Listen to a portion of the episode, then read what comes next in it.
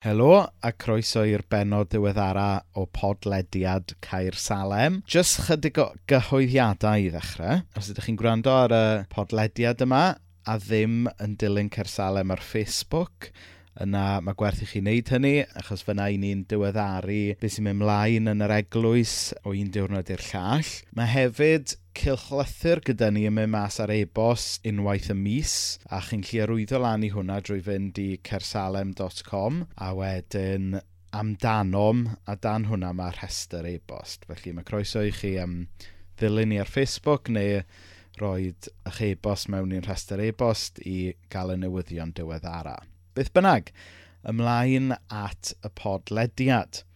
Nawr i ni'n mynd trwy gyfres o gwestiynau ar hyn o bryd yn Cersalem. A'r cwestiwn sydd gyda ni wythnos yma ydy beth ydy pwrpas bywyd. Nawr mae hwnna yn gwestiwn mawr fi'n gwybod. Ac yn dechnegol, dyw e ddim yn gwestiwn nath actually gael ei gyflwyno gan neb. Mae'n gwestiwn dwi fy hun wedi gofyn, A hynna ar sail be mae lot o bobl wedi rhannu efo fi yn ddiweddar. Mae lot o bobl wedi rhannu efo fi bod nhw'n unig, ac ar y llaw arall mae lot o bobl sydd felly ddim yn unig dal yn gofyn i fi, wel, be, be di pwrpas y mywyd i? Be di yn lle i yn y, yn y byd? A rhai pobl sy'n aelodau o'r eglwys y gofyn, wel, be di'n lle i yn yr eglwys? A dwi'n meddwl mai beth sy'n tu ôl y ddau set yna o gwestiynau, really, y, y cwestiynau gan bobl sy'n teimlo'n unig a'r cwestiynau am bobl sy'n stryglo i ffeindio eu lle mewn bywyd, ydy well, beth ydy pwrpas bywyd. A fel mae'n digwydd, pan um, o'n i yn dechrau paratoi y neges yma, o'n i'n darllen papur newydd ac oedd um, erthigol yna ynglyn ag arferion gwrando radio pobl. A nath na rai ystadegau sefyll allan efo fi So dwi jyst am ddarllen tri ohonyn nhw i chi. One in four people say they sometimes go days without speaking to anyone. 47% of Britons put on the radio to keep them from feeling lonely. 25% listen to the radio when they are feeling lonely just for the familiarity of the voice. A mae'n ddiddorol yn dydy bod y radio falle yn gwmni i lot o bobl unig. Ac o'n i'n rhannu fod o leia tri o bobl yn ddiweddar wedi rhannu efo fi bod nhw'n teimlo yn unig. A oedden nhw y tri person o gwahanol oedran, o gwahanol gefndiroedd, gwahanol lle mewn bywyd, ond eto oedd yr unigrwydd yma gyda nhw. Ar y llaw arall y bobl oedd yn gofyn i fi, wel, be, be di'n lle mewn bywyd? Be di'n lle yn yr eglwys? Oedden nhw'n bobl oedd ddim o reidrwydd yn unig, oedden nhw'n bobl prysur, oedden nhw'n bobl efo teuluoedd, oedden nhw'n bobl um, ar yr wyneb o popeth yn dda, ond eto, oedd yna rhyw nigl, rhyw scratch yna oedd yn neud iddyn nhw ofyn, wel, oes yna fwy i fywyd na hyn. Nawr dwi am wneud dau osodiad i gychwyn, sef bod Dyw yn ddiw cymunedol. A beth dwi'n golygu wrth hynna yw fod Dyw yn llythrenol yn gymuned. Mae Dyw yn dad, yn fab ac yn ysbryd glân. Un Dyw ond mewn tri person. So bod Dyw i hun yn gymuned. Na mae'r Beibl yn deitha ni fod Dyw wedi'n creu ni ar ei ddelw fe. So os ydy Dyw yn ddew cymunedol, da ni hefyd wedi cael yn creu i fod yn fodau yn beings cymunedol. I ni fod mewn perthynas efo Dyw i hun, ond hefyd i ni fod mewn perthynas efo pobl eraill. Felly, dyna pam bod unigrwydd ddim yn rhywbeth oce, okay, ddim yn rhywbeth da da ni wedi cael yn creu i fod mewn cymuned efo pobl eraill. Yr ail assertion fi am roed ar y dechrau fel hyn yw fod Dyw wedi creu pob un ohono ni ar gyfer rhyw bwrpas. Ac felly, i ni ddatgloi be di pwrpas yn bywyd ni, da ni angen datgloi be di diben Dyw ar gyfer yn bywyd ni. A mae hyn wedi cael ei ateb yn gryno iawn 400 o flynyddoedd yn ôl mewn rhywbeth oedd yn cael ei alw yn Catechism Fer Westminster. Nawr, dwi ddim mynd i roi gwerth hanes i chi, ond basically, slawer dydd, oedd pobl yn dysgu am y ffydd ac yn hyfforddi um, plant a pobl ifanc yn y ffydd drwy catechism. A catechism oedd basically ffordd o ddysgu pobl yn defnyddio cwestiwn ag ateb. Ac oedd catechism fer Westminster oedd ganddo fe'r cwestiwn yma. What is the chief end of man? A man yn golygu pawb fyna, humanity, neu just dynion. What is the chief end of man? A'r ateb oedd, man's chief end is to glorify God and to enjoy him forever. Neu yn Gymraeg, diben pennaf dynoliaeth ydy gogoneddi Dyw a'i fwynhau beth yn dragywydd. Na mae hwnna yn ddweud mawr. Ond dwi'n meddwl bod e yn rhan o'r ateb o ddatgloi sut mae delio gyda unigrwydd a sut mae delio efo'r cwestiwn byd wy dda, byd i'n lle i mewn bywyd. Yn lle ni mewn bywyd ydy gweld bod bywyd yn rodd gan ddew a bod modd i ni wneud popeth fel ffordd o addoli dew a, a mwynhau dew. Neu ar oi y ffordd arall, mae ei gyd i wneud a be di perspektif rhywun. Trwy ba lens i, i ni'n gweld bywyd, trwy pa lens da ni'n gweld heriau bywyd, trwy pa lens da ni'n gweld y cyfleon mae bywyd yn rhoi i ni. Nawr, nes i glywed y stori yma rai blynyddoedd yn ôl, a dwi'n yn siŵr os ydy'n o'n stori sydd wedi cael ei wneud fyny, neu os ydy'n um, seiliedig ar stori y wir. Ond stori yw e am ddau ddyn yn Rwsia, syrthiodd mewn i rhyw fath o drwbl, gath nhw i arestio a'i dedfrydu i flynyddoedd hir o lafur caled yn y gwlag yn Siberia. Nawr, jyst cyn i'r ddau ddyn gael eu cludo i ffwrdd i Siberia, dyma nhw'n derbyn newyddion am eu teuluoedd. Dyma un dyn yn drist iawn yn derbyn y newyddion fod i wraig e a'i blant e wedi marw. Ar y llaw arall, dyma'r dyn arall yn derbyn newyddion fod i wraig a'i blant e yn iawn ac yn iach ac mynd i fyw i'r diwrnod y cewn nhw i aduno a gweld ei gilydd unwaith eto. Nawr, oedd immediate circumstances y ddau ddyn rhywun peth. Oedd y ddau ddyn ar fi'n cael ei dedfrydu flynyddoedd o lafur caled. Oedden nhw ar y tren neu ar y bws neu beth bynnag i Siberia. Rhyn amgylchiadau, rhyn bwyd gwael, rhyn camdrin fatha o'i blaen nhw. Ond, oedd y newyddion oedden nhw newydd erbyn yn newid i prosbectif nhw yn llwyr yn drist iawn oedd y dyn nath e dderbyn y newyddion drwg, nath e gochi pwrpas.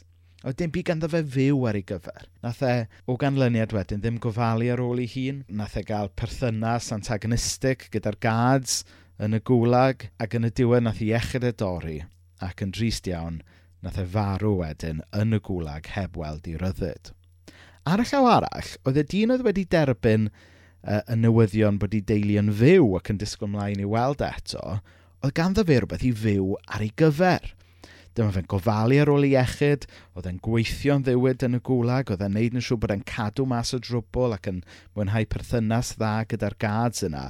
A nath e fyw a goroesi a mwynhau rhyddid maes o law a cael gweld ei deulu unwaith eto. A beth sy'n ddiddorol am y stori yna yw fod immediate circumstances y ddau ddyn, yr un mor galed ac yr un mor wael, ond oedd gen nhw persbectif gwahanol ar fywyd. Oedd un dyn efo rhywbeth i fyw ar ei gyfer, ond yn drist iawn oedd y dyn arall ddim, neu o leia ddim yn teimlo fod ganddo fe rhywbeth i fyw ar ei gyfer. Ac fel o'n i'n deud, dwi'n mwyn gwesti hwnna'n stori go iawn neu yn stori sydd wedi cael ei wneud fyny i ddarlunio rhywbeth ond i chi'n deall mae'n siŵr y, y darlun, sef mae e'n newid perspektif yn dydi os oes ganddo ni rhywbeth i fyw ar ei gyfer. Yn arbennig os da ni felly mynd trwy amseroedd anodd. Os da ni'n mynd trwy amseroedd anodd, mae e yn newid popeth os ganddo ni rhywbeth i fyw ar ei gyfer.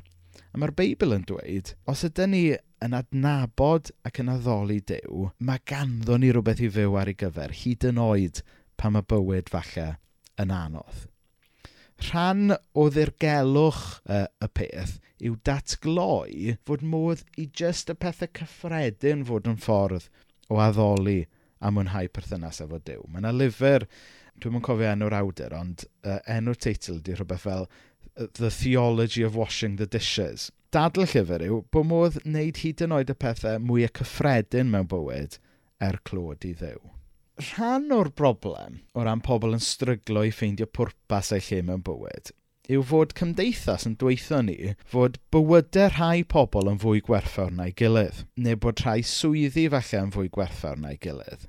A chi'n gwybod be, mae Cresnogion a'r eglwys yr un mor wael am ddweud hynna wrth bobl ac unrhyw un arall. Oedd na stori nes i glywed yn ddiweddar ynglyn â dyn oedd wedi cael gyrfa lwyddiannus iawn mewn byd busnes fi'n meddwl ac oedd e'n arwain um, cwmni oedd a cannoedd o bobl yn gweithio iddyn nhw. Ond wedyn dyma fe penderfynu ymddeol yn gynnar a mynd yn genhadwr, mynd yn bregethwr neu rhywbeth fel yna.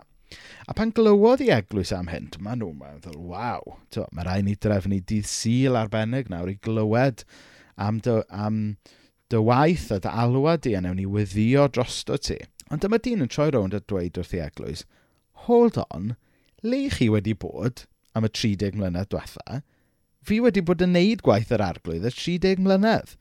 Dwi wedi cael gofal dros gannoedd o bobl yn yng ngwaith i, ond oeddech chi'n eisiau clywed dim byd am yng ngwaith i nac yn sôn dim am weddio dros dau bryd hynny, ond nawr mod i yn sôn am wneud gwaith sy'n swndio'n fwy chrysnogol a crefyddol, sydd yn reit, chi'n meddwl bod hwnna'n bwysig. A mae'r stori yna yn heriol, yn dydy.